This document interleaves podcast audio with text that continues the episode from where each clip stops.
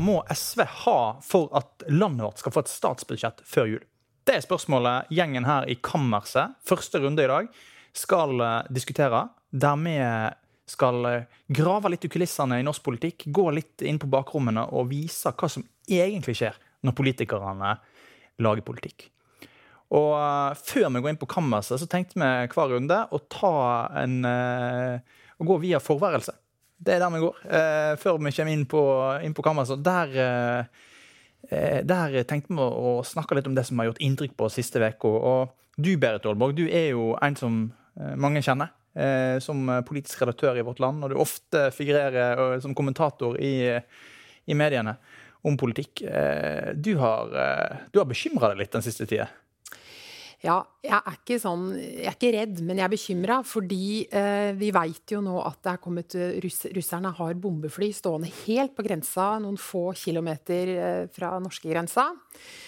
Eh, og det eh, Jeg som er vokst opp da i Finnmark, jeg er vokst opp i Vadsø, så jeg husker den russerfrykten fra jeg var barn. Og jeg hadde en far som var i militæret, og det var mye snakk om liksom, russerfrykten eh, hjemme hos meg. Sånn at jeg kjenner det godt i magen. Og selv om analytikerne sier at vi kan slappe av, så, så, så, så tenker jeg liksom at det, det, er noe her som liksom, jeg føler er litt sånn ukontrollerbart. Det ukontrollerbare Russland på en måte som er veldig sånn uforutsigbar, er vel kanskje det riktige ordet. Så jeg kjenner det godt i magen hver gang jeg ser at disse nyhetene kommer opp. Ja, du sover ikke helt godt om natta?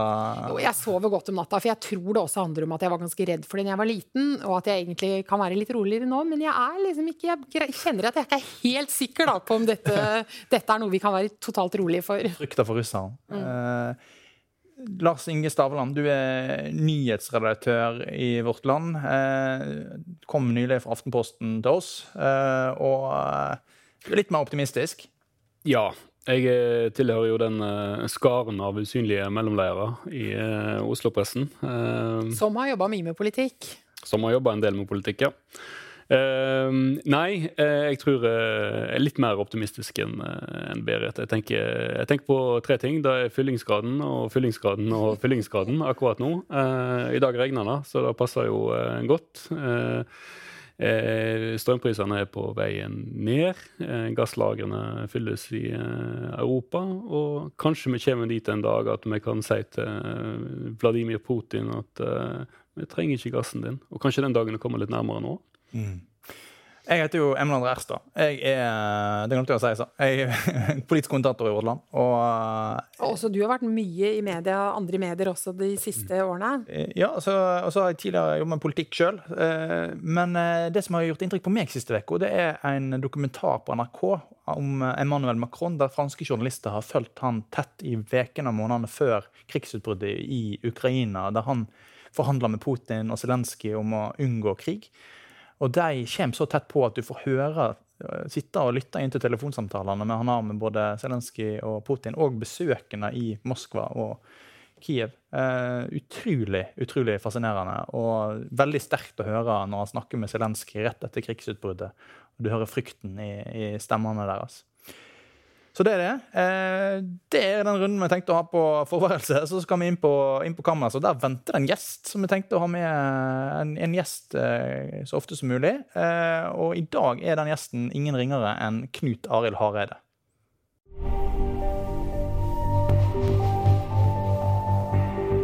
Velkommen eh, til Knut Arild Hareide. Det er mange som kjenner deg eh, som eh, sjøfartsdirektør nå. Eh, men kanskje best kjent i rolla som eh, leder for Kristelig Folkeparti. Eh, du og jeg har jo, vi har jo bodd sammen og jobba sammen i KrF.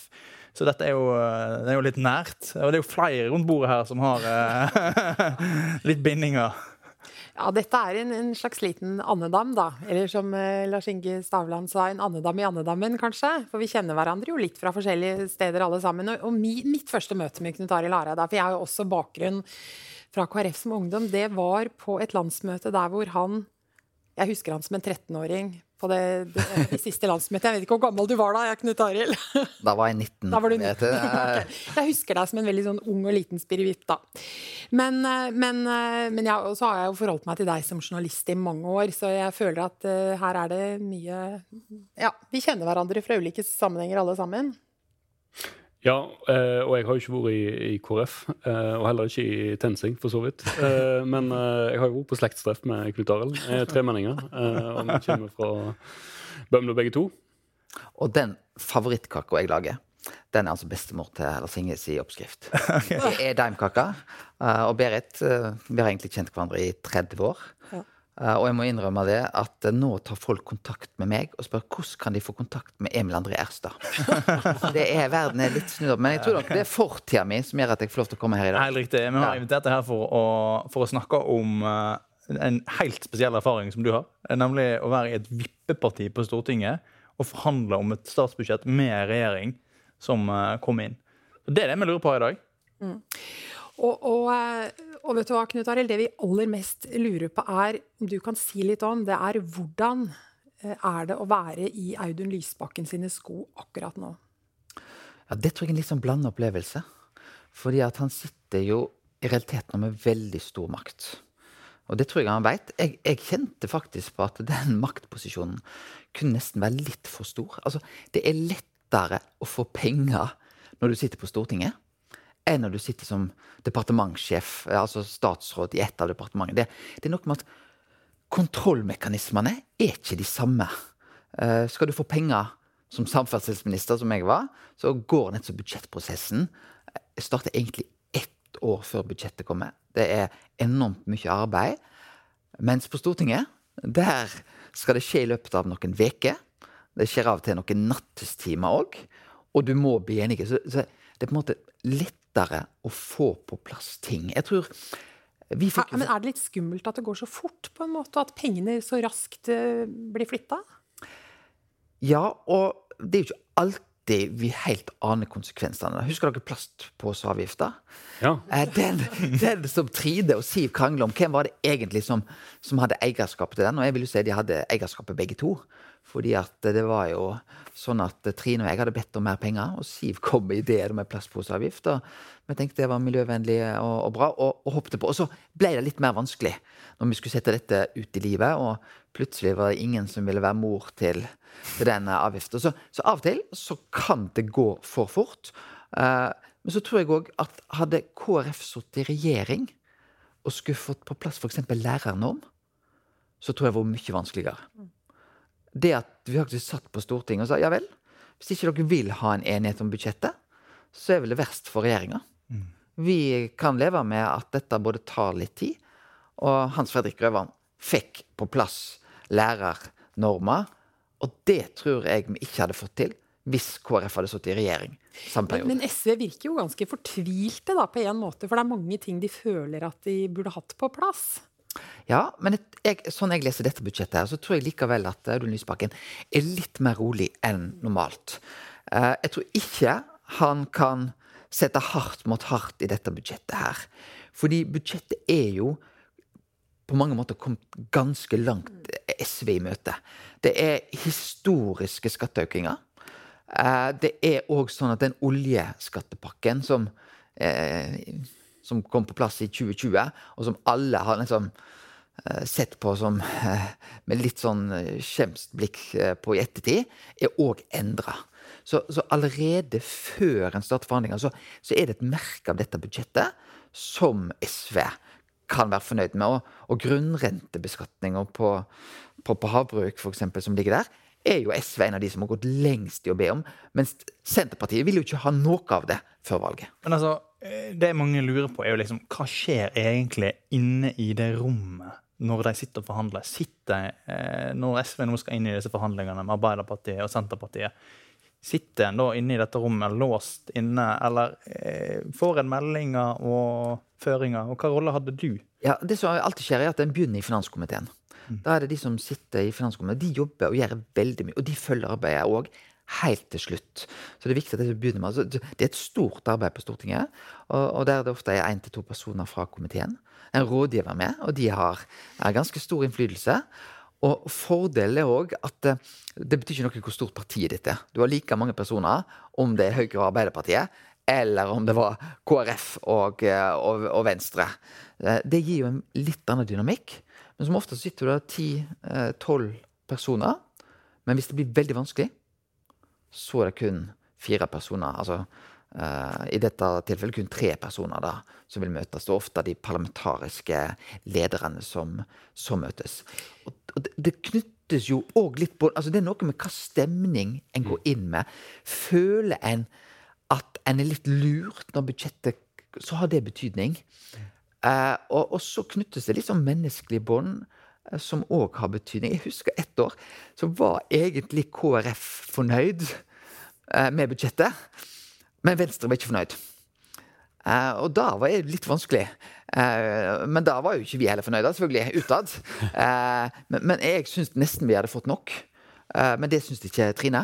Men da, da var jeg uh, For da trengte den begge partiene for å få flertall, eller var det bare Ja. ja men du, mitt, mitt, inntrykk er også det at både Senterpartiet og Arbeiderpartiet kjenner på at de har strukket seg ganske langt, som du var inne på i stad, og at det er mindre avstand enn det kanskje mange ville trodd skulle være på dette punktet. Likevel så går jo da Audun Lysbakken ganske høy og mørk ut og sier at vi må ha mer fordeling på plass, det må være grønnere.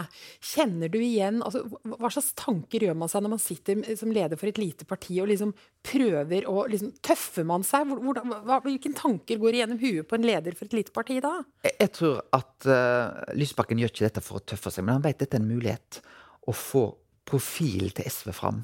Dette er på en måte litt hans veke i det politiske Norge eh, i løpet av året.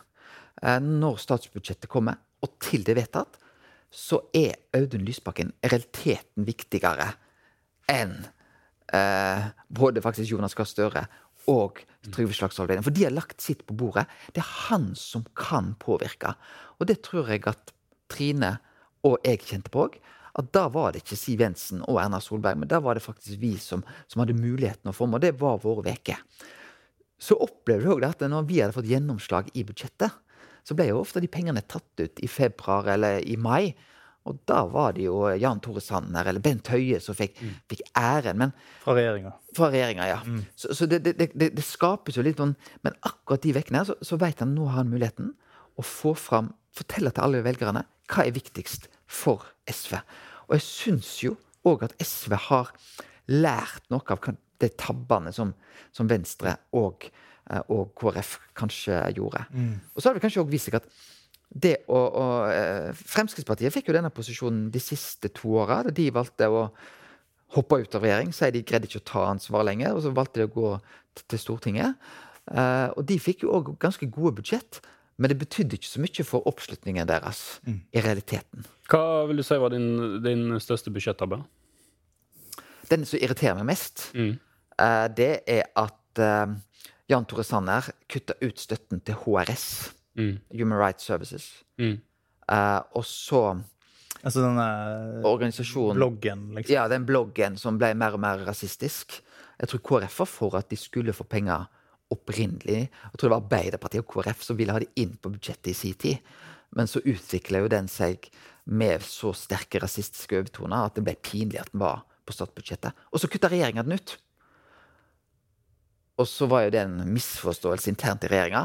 Og da var Venstre og KrF litt for snille. For da fikk jo vi eh, over 200 millioner eh, til andre gode formål for å ta den inn igjen. Men av og til så, så det ble litt 30 sølvpenger. Ja. Fordi at uh, det at vi ble med på det igjen For da, uh, da var det ikke regjeringa som skulle påvirke budsjettet, da var det vi som skulle, skulle gjøre det. Dere tok liksom jobben å få det tilbake, på en måte? Nei, nei det vil ikke jeg si, for det var jo regjeringa som kom til oss og sa ja, vi har gjort en tabbe, dere... vi må få det inn igjen. Uh, men da burde vi sagt sorry, dere har lagt fram deres budsjett.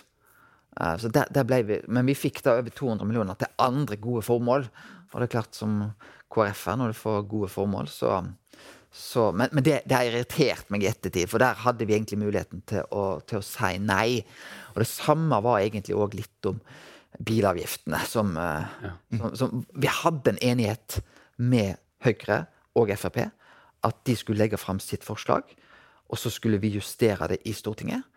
Og så ble det så vanskelig for Frp at de gikk ut med et ultimatum. Det, det er jo interessant det du sier med, med, med disse, altså, disse, organisasjonene. Disse symboltunge kuttene eh, som er i pressen veldig opptatt av. I forrige perioden var det Human Rights Service eh, som var veldig mye snakk om.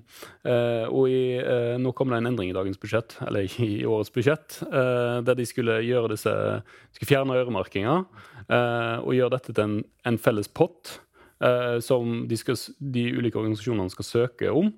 Eh, og, eh, og, en byråkrat da, eh, tydeligvis skal svare på. Så det, du, du, du mister litt av det der eh, dramaet, den seine nattetimens kampen om uh, din favorittorganisasjon. Favoritt, uh, jeg, jeg, har tro på at en sånn omlegging kan være bra, men jeg er usikker på om du skal gjøre det direkte i et budsjett. Mm. Jeg tror en burde hatt noen prosesser, f.eks. starta på våren. Mm. Forberedt organisasjonene på det. Det må en omlegging som ikke kan starte 6.10 når budsjettet legges fram, med en så dramatisk virkning fra 1.1. Mm. Men, eh, ja, Unnskyld, men uh, bare tenker på uh, Du, Berit, så er jeg rundt i, uh, i gangene mer enn da jeg er. Uh, er dette greit for, eh, for, SV? Er det noe som eh, Det høres ikke ut som det høres ut som et ganske byråkratisk grep.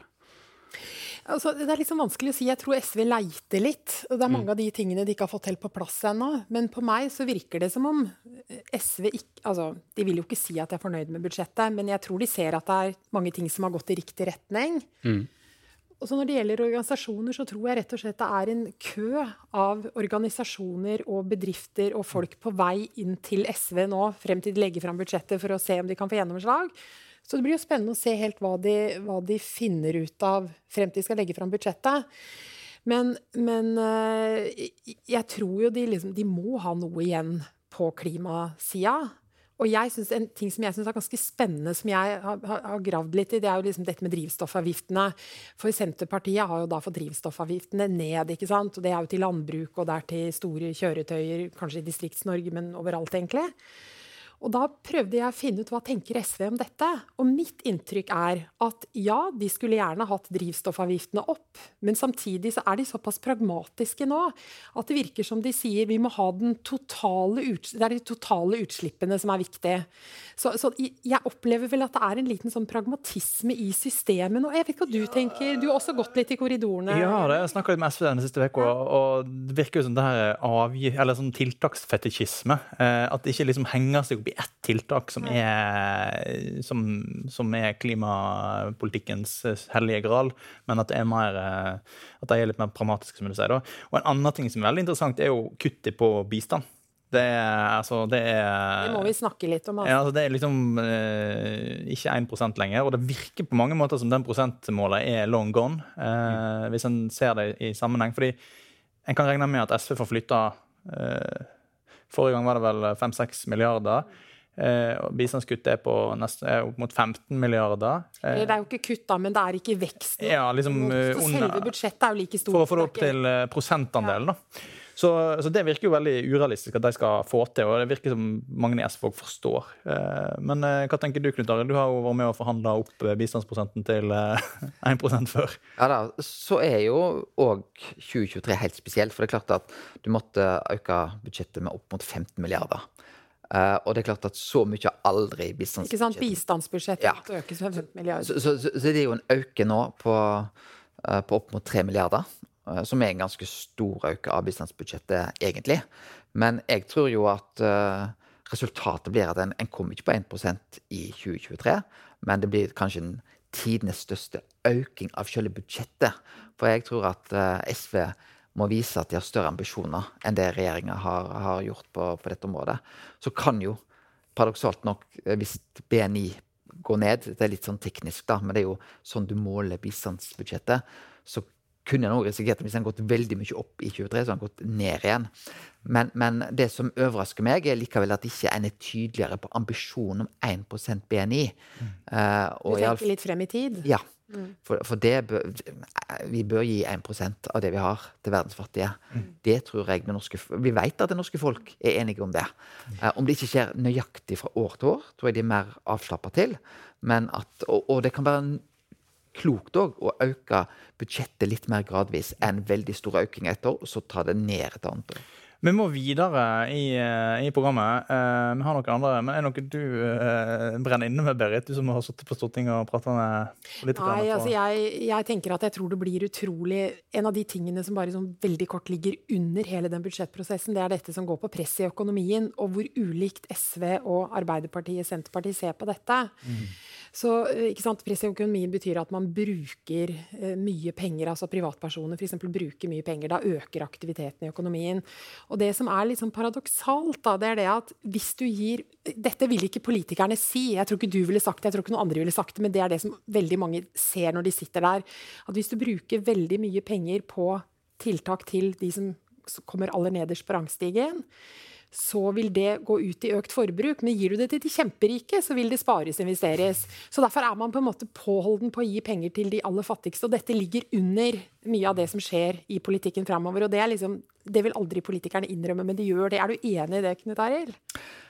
At det er noen dynamikker der som en ikke snakker om. Uh, samtidig så tror jeg at det er en, det er en reell bekymring at det samfunnet vi har, er det blitt større forskjeller mm. mellom en visst sjikt i samfunnet mm. som har større muligheter, større rådigheter. Og at det er en for stor andel som, som opplever at de faller utenom det. Mm. Og jeg tenker på at noe av det største styrken med det norske samfunnet er den tilliten vi har. At ikke det er for store forskjeller. Og det, eh, så, så, så tror jeg òg politikere leter litt etter hva er de gode mekanismene mm. for å få det til. Uh, og, og, og, jeg, og, jeg, må jo si at jeg tror både du og jeg har vært eh, inne på det, Emil Andreas, at det, det, kommer til å bli noen utjevnende tiltak i det endelige budsjettet. Jeg tror kan, Det kan vi regne med enten at det kommer på uh, at man får direkte på inntekt, eller at man får noen sosiale tiltak. Så jeg tror vi kan si at det kommer til å skje i denne mm. forhandlingsprosessen. Veldig bra. Dette var, vi lar det være siste ord uh, i den delen. Nå skal vi videre til noe som vi tenkte å ha hver veka, eller hver gang eh, vi, vi har eh, en episode. Uh, og det er noe vi har valgt å kalle ukas profeti. Uh, om, og Der tenkte jeg å utfordre gjesten på en litt spenstig profeti om politikk norsk politikk, eh, og en av oss. Eh, og da har vi en liten konkurranse på forhånd på bakrommet. Da, hvem som har den mest spenstige profetien å melde.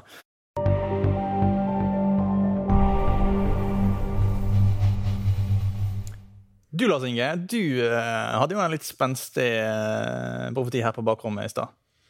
Ja, Spenstig eller spenstig eller bare veldig nerdete, det vet jeg ikke. Men eh, jeg, jeg, har jo tenkt litt på, på kommunevalget. Eh, jeg sitter jo og skal forberede at det, det er jo snart et valg. Eh, og, og, da er spørsmålet hva, hva, dynamikk er det som kan komme? Og det er jo litt interessant. Nå tenker jeg på flørtinga mellom MDG og Venstre som kommer til å komme. MDG har fått, eller får, en ny leder. Eh, her er det et manøvring, manøvringsrom. Eh, skal borgerlig side ta makta i eh, Oslo, så må det gå via MDG. MDG og Venstre. en ganske kraftig og sterk sentrumsmakt i, i, byene, som kan gå begge veier. der tror jeg, der tror jeg jeg tror vi vil se ganske mye hva skal jeg si, politisk flørting mellom Guri Velby og Arle Hemstad. de neste... Guri Melby er jo singel òg, så det Eh, og, og, det er en veldig bra profeti. Eh, tror du på det, Berit? Ja, jeg tror eh, det, det, det, kan jo se ut som det går den veien, men det som jeg syns er spennende, er om de da vil innta en sånn ekte sentrumsposisjon, hvor de kan gå begge veier. Det syns jeg er spennende å se, for det tror jeg faktisk kan skje. Og Guri Melby har jo også sagt at hun kan samarbeide mot, uh, mot venstresida, og MDG har jo tidligere sagt at de kan gå begge veier. Så jeg syns det er faktisk litt sånn spennende om vi får en mer utvikling i retning av, uh, av en sterk sentrumsposisjon skal på den profetien igjen, Lars Inge, når uh, kommunevalget nærmer seg? Jeg er litt usikker i Oslo. Litt fordi at der har MDG samarbeider nå så tett med Arbeiderpartiet. De har på en måte fått litt sitt felles prosjekt. Og det skjer noe når du har sittet sammen sammenhengende i et byråd i sju-åtte år. Om du da går Da tror jeg du vil tenke enten fortsetter vi, eller så blir det noe annet. Så, så jeg er litt usikker på om det skjer i Oslo, men jeg tror jeg er mer spent egentlig nesten nasjonalt. Fordi at der sitter jo MDG nå i opposisjon til ei regjering som blir litt mer har ikke fått den populariteten som de iallfall sjøl ønsker. Eh, og da, når du sitter i opposisjon, så blir noe, du blir nesten litt imot de som sitter. Så, så, jeg er mer spent på hva som skjer egentlig fram mot 25 nasjonalt. Jeg tror Oslo, der vil MDG holde seg til Arbeiderpartiet hvis det er mulighet for det etter valget. Veldig spennende. Eh, du har òg blitt utfordra Knut Arild, på å komme med en eh, profeti. Eh, helt egen profeti. Nå, nå utfordrer du jo tremenningens profeti her. Ja, altså, nå, nå, får du komme tilbake. Så får vi se om din holder i stand. Hva, er, hva er din profeti? Ja, jeg føler Ordet profeti er jo litt, det er litt krevende å bruke her. Men jeg, jeg tror det kan Og jeg tenker stortingsvalget 25. Jeg tror på et eller annet stadium så i denne perioden så tror jeg det blir ikke bare en krise, men et, at denne regjeringa blir reelt sett utfordra. Altså at den kan gå av, for så vidt da komme tilbake igjen, sånn som Raymond Johansen gjorde i, i, Oslo. Men det er noe med at når de to regjeringspartiene sliter så sterkt som de er, så vil de ikke i alle settinger kunne gi så mye i Stortinget at det vil bli hardt mot hardt. Og så veit jeg sjøl at skulle vi ha felt Erna Solberg og Siv Jensen, så hadde det vært lettere gjort det et av de første årene, da den regjeringa var ganske upopulær. Mm. Men jo mer populær den ble, jo vanskeligere vil det bli. Så kan dette snu. Det mm. er klart at Blir den regjeringen som sitter nå, får en større popularitet, så vil den styrke seg. Men sånn jeg leser bildet nå, så tenker jeg det er ganske stor sannsynlighet for at det blir en situasjon der det både blir et kabinettspørsmål, og der en får reelt sett mistillit. Mm. Så tror jeg sannsynligheten for at Jonas Gahr Støre er statsminister i denne perioden hele veien, den er veldig, veldig stor. For det er få andre muligheter med det landskapet som er i Stortinget.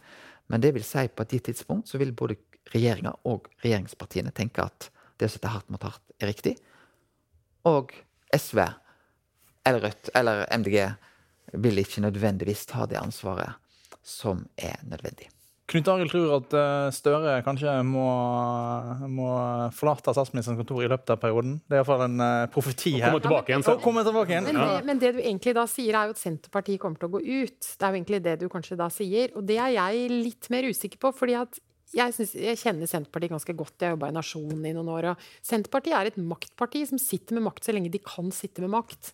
Så det, det, er, så, det, er, et, eh, det er, et, økonomisk næringsparti på mange måter. Og jeg tror ikke de vil liksom gi seg på, på upopularitet på en måte. Men det kan jo godt være at Senterpartiet òg blir værende i regjering. Mm. Men at de er villige til å sette hardt mot hardt, vise at de står for noe. Mm. Det er det det handler om. Og eh, nettopp òg kanskje fordi risikoen for en helt annen regjering mm. ikke vil være så stor. Det vil egentlig ikke være et alternativ for Erna Solberg å overta i denne perioden. Det er litt uh, tilfellet vi nå har i Bergen. Og Da er det et kabinettspørsmål jeg snakker om. Hva er, bare sånn til deg som følger oss, eh, hva er et kabinettspørsmål, eh, Lars Inge? Kabinettspørsmål er når uh, en statsminister, eller for så vidt en byrådsleder, uh, sier til, uh, til byrådet at nå, nei, bystyret eller Stortinget at jeg skal ha gjennom dette her. hvis ikke så går jeg av. Ja. Og da må flertallet i bystyret eller Stortinget ta stilling til om de vil stable på beina en ny regjering, eller om de vil gi seg i den saken. Mm. Det blir spennende. Men det skjer ikke i høst. Det skjer ikke Jeg tror uh, alt tyder på at uh, I høst kommer SV til å redde budsjettet. Kan vi ikke være enige om det? Jo. Det tror jeg. Jeg er enig om det. Veldig bra. Tusen hjertelig takk for at du kom til oss, eh, Knut Arild. Det var supert i første episode. Vi er tilbake med nye episoder utover høsten. Og håper at hvis du som ser eller hører på, har noen innspill, ris, ros, tips, så kan du sende det til kammerset Eh, alfakrøllvl.no. Og så håper vi på at dere er med neste gang òg. Tusen takk for i dag.